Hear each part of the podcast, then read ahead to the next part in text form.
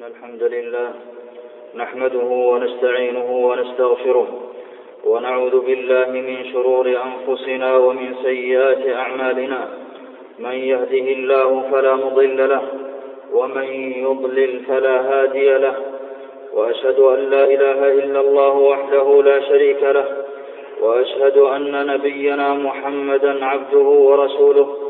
صلى الله عليه وعلى آله وأصحابه وسلم تسليما كثيرا. أما بعد فاتقوا الله عباد الله حق التقوى فالنعيم في اتباع الهدى والشقاء في موافقة الهوى. أيها المسلمون خلق الله الخلق لتكون الطاعة له والتذلل إليه. وكمال السعادة في معرفة الله والإيمان به ومعرفة العبد ربه هو الأصل الأول الذي يجب على الإنسان معرفته وهو أول ما يسأل عنه العبد في قبره. أوجد الله الخلق بعد عدم وأغدق عليهم من النعم وضمن لهم الرزق وما من دابة في الأرض إلا على الله رزقها أوجد العالمين بعد أن لم يكونوا شيئا هل أتى على الإنسان حين من الدهر لم يكن شيئا مذكورا رب متفرد بالخلق والرزق والتدبير ألا له الخلق والأمر تبارك الله رب العالمين منفرد بالوحدانية متصف بالعظمة والجبروت مقاليد الأمور كلها بيديه قوي متين قاهر فوق عباده لا يرضى أن تصرف العبادة إلا له. إن تكفروا فإن الله غني عنكم ولا يرضى لعباده الكفر وإن تشكروا يرضه لكم. نصب في كل مخلوق آية دلالة على وحدانيته ليزداد تعلق القلب بربه. آيتان تتعاقبان علينا تذكرنا بوحدانية الله. ليل يغشى ونهار يتجلى. يطلب كل منهما الآخر طلبا سريعا. يغشي الليل النهار يطلبه حثيثا. والشمس والقمر يجريان في مسار دقيق أبهر ذوي العقول. هذه تشرق وذاك يدبر سير منتظم. لا يتقدم ولا يتأخر.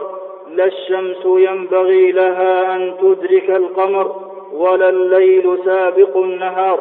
وكل في فلك يسبحون.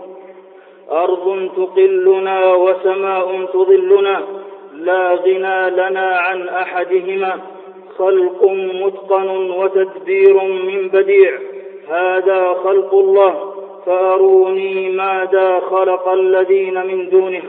والمسلم يعتز إذا كان عبدا لمدبر هذا الكون العظيم. قل إنني هداني ربي إلى صراط مستقيم.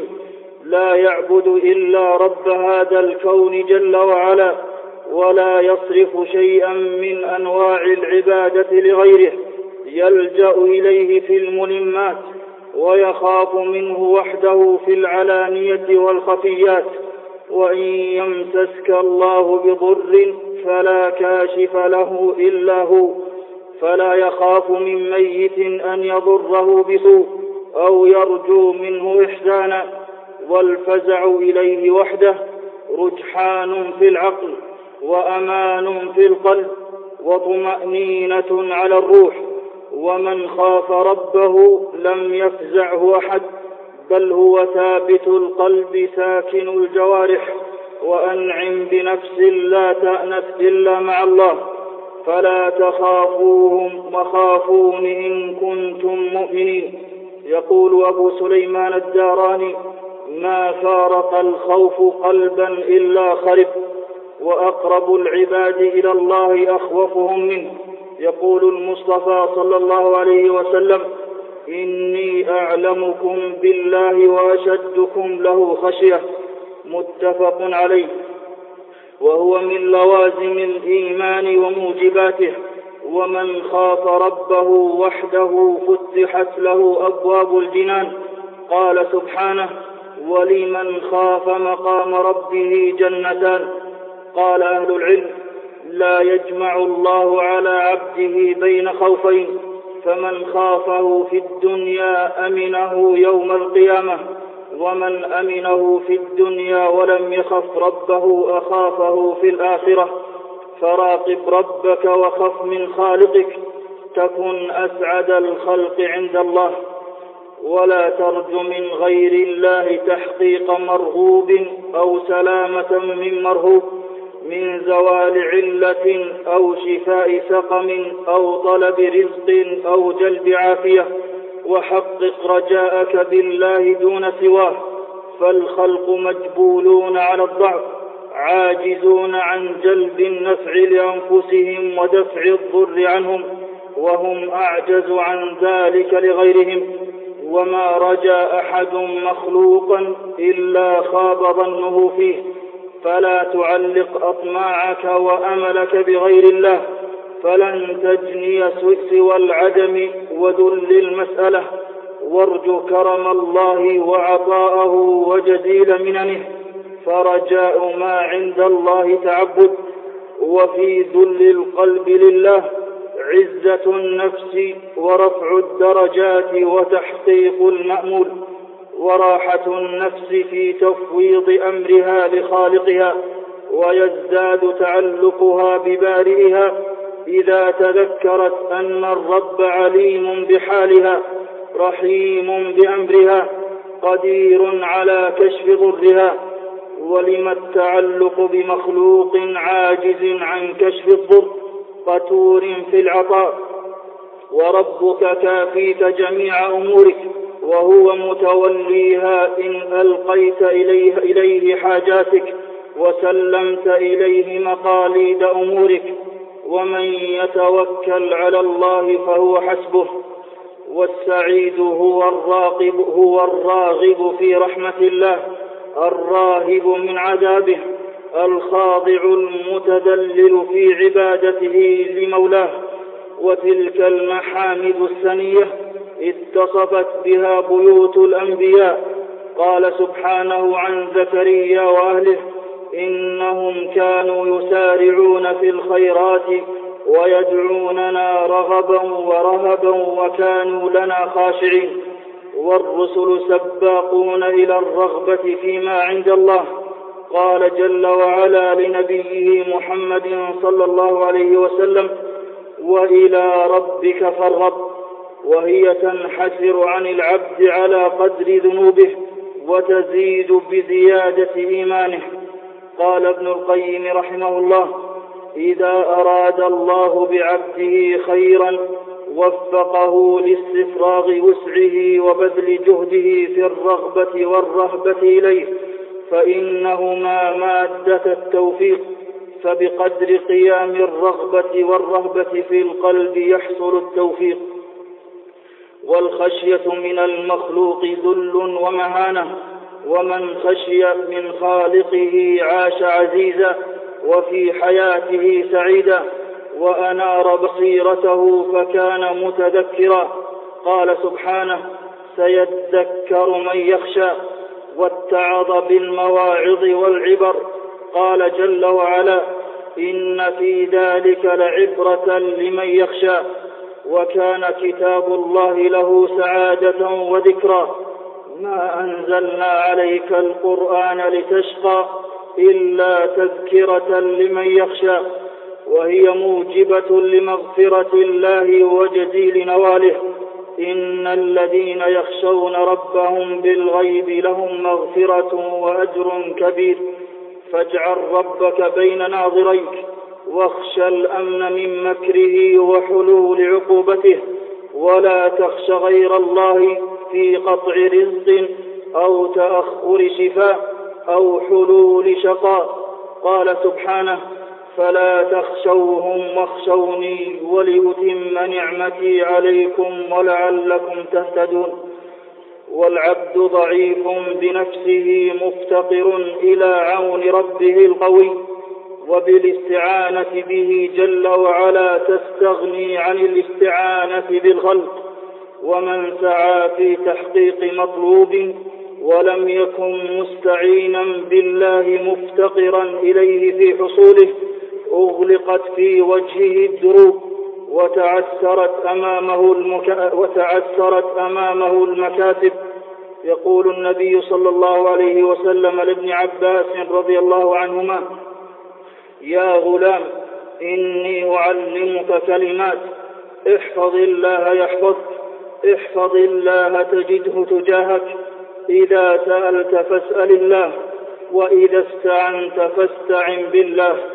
رواه الترمذي والاستعانة عليها مدار الدين.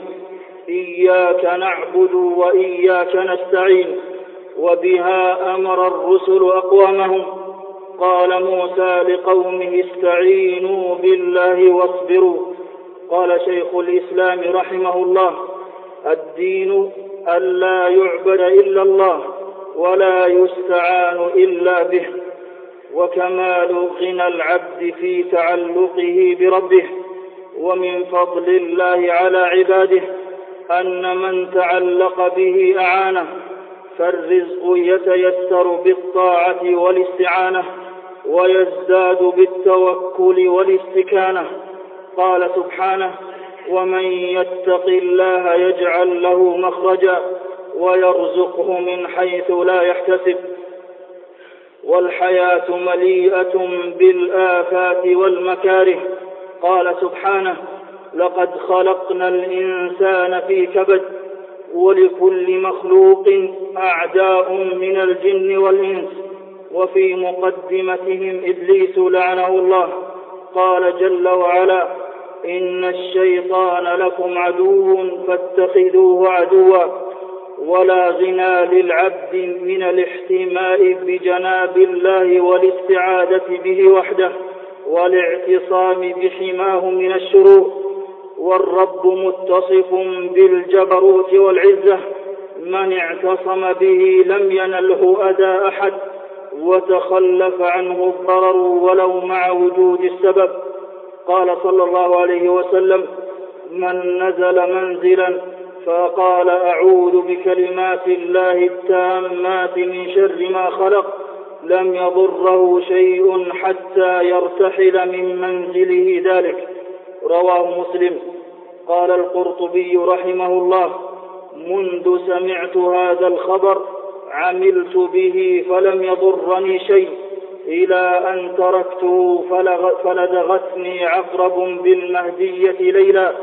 فتفكرت في نفسي فإذا بي قد نسيت أن أتعود بتلك الكلمات. والمخلوق يتعرض للأذى ولن تهنى حياته إلا بالاعتصام بالله والليادة به.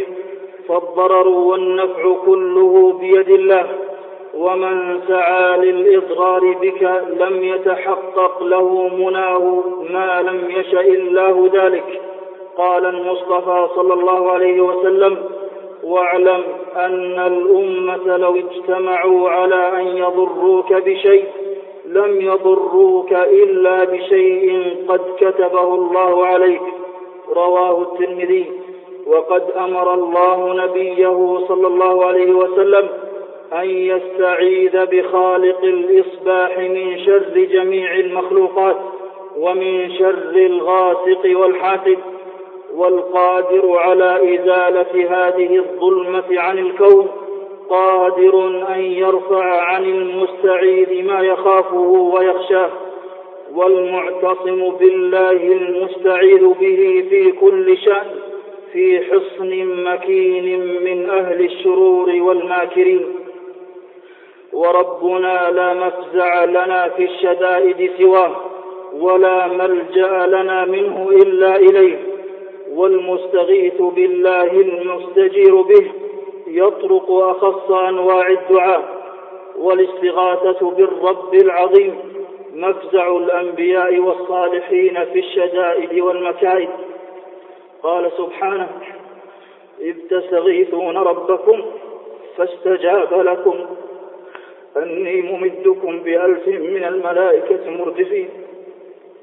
وقال سبحانه أمن يجيب المضطر وقال سبحانه أمن يجيب المضطر إذا دعاه. ومن دعا الأموات فنداؤه لا يسمع وحاجاته لا ترفع. قال سبحانه والذين تدعون من دونه ما يملكون من قطمير إن تدعوهم لا يسمعوا دعاكم ولو سمعوا ما استجابوا لكم. فإذا حلت بك الخطوب واشتدت بك الكروب فاستغف بعلام الغيوب. إنما أمره إذا أراد شيئا أن يقول له كن فيكون. وإفراد الله بأفعال العباد. نقاء في المعتقد. وسعادة تعم المجتمع. وطمأنينة في النفوس. أعوذ بالله من الشيطان الرجيم. يا أيها الناس اعبدوا ربكم الذي خلقكم والذين من قبلكم لعلكم تتقون الذي جعل لكم الأرض فراشا والسماء بناء وأنزل من السماء ماء فأخرج به من الثمرات رزقا لكم فلا تجعلوا لله أندادا وأنتم تعلمون. بارك الله لي ولكم في القرآن العظيم. ونفعني الله وإياكم بما فيه من الآيات والذكر الحكيم. أقول ما تسمعون وأستغفر الله لي ولكم ولجميع المسلمين من كل ذنب فاستغفروه إنه هو الغفور الرحيم. الحمد لله على إحسانه والشكر له على توفيقه وامتنانه وأشهد أن لا إله إلا الله وحده لا شريك له تعظيما لشانه وأشهد أن محمدا عبده ورسوله صلى الله عليه وعلى آله وأصحابه وسلم تسليما كثيرا. أما بعد أيها المسلمون أبواب السعادة والخير تفتح بتعلق القلب بالله وتغلق أبواب الشرور بالتوبة والاستغفار وعافية القلب في ترك الآثام. ونعيم الدنيا في انجذاب القلب إلى الله حبا له وخوفا منه ورجاء فضله فالخوف يبعدك عن معصية الله والرجاء يدفعك إلى طاعته ومحبته تسوقك إليه سوقا فاجعل أعمالك كلها خالصة لله قائمة على أكمل الوجوه في الظاهر والباطن. مع اليقين بأن الله مطلع على السرائر والنيات بصير عليم بالخفيات. ثم اعلموا أن الله أمركم بالصلاة والسلام على نبيه فقال في محكم التنزيل إن الله وملائكته يصلون على النبي. يا أيها الذين آمنوا صلوا عليه وسلموا تسليما. اللهم صل وسلم وزد وبارك على نبينا محمد. وارض اللهم عن خلفائه الراشدين. الذين قضوا بالحق وبه كانوا يعدلون. أبي بكر وعمر وعثمان وعلي وعن سائر الصحابة أجمعين وعنا معهم بجودك وكرمك يا أكرم الأكرمين. اللهم أعز الإسلام والمسلمين وأذل الشرك والمشركين ودمر أعداء الدين واجعل اللهم هذا البلد آمنا مطمئنا وسائر بلاد المسلمين. اللهم وفق إمامنا لهداك واجعل عمله في رضاك ووفق جميع ولاة أمور المسلمين للعمل بكتابك وتحكيم شرعك يا ذا الجلال والإكرام.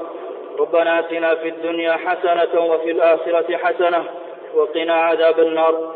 عباد الله إن الله يأمر بالعدل والإحسان وإيتاء ذي القربى وينهى عن الفحشاء والمنكر والبغي يعظكم لعلكم تذكرون. فاذكروا الله العظيم الجليل يذكركم واشكروه على آلائه ونعمه يزدكم ولذكر الله أكبر والله يعلم ما تصنعون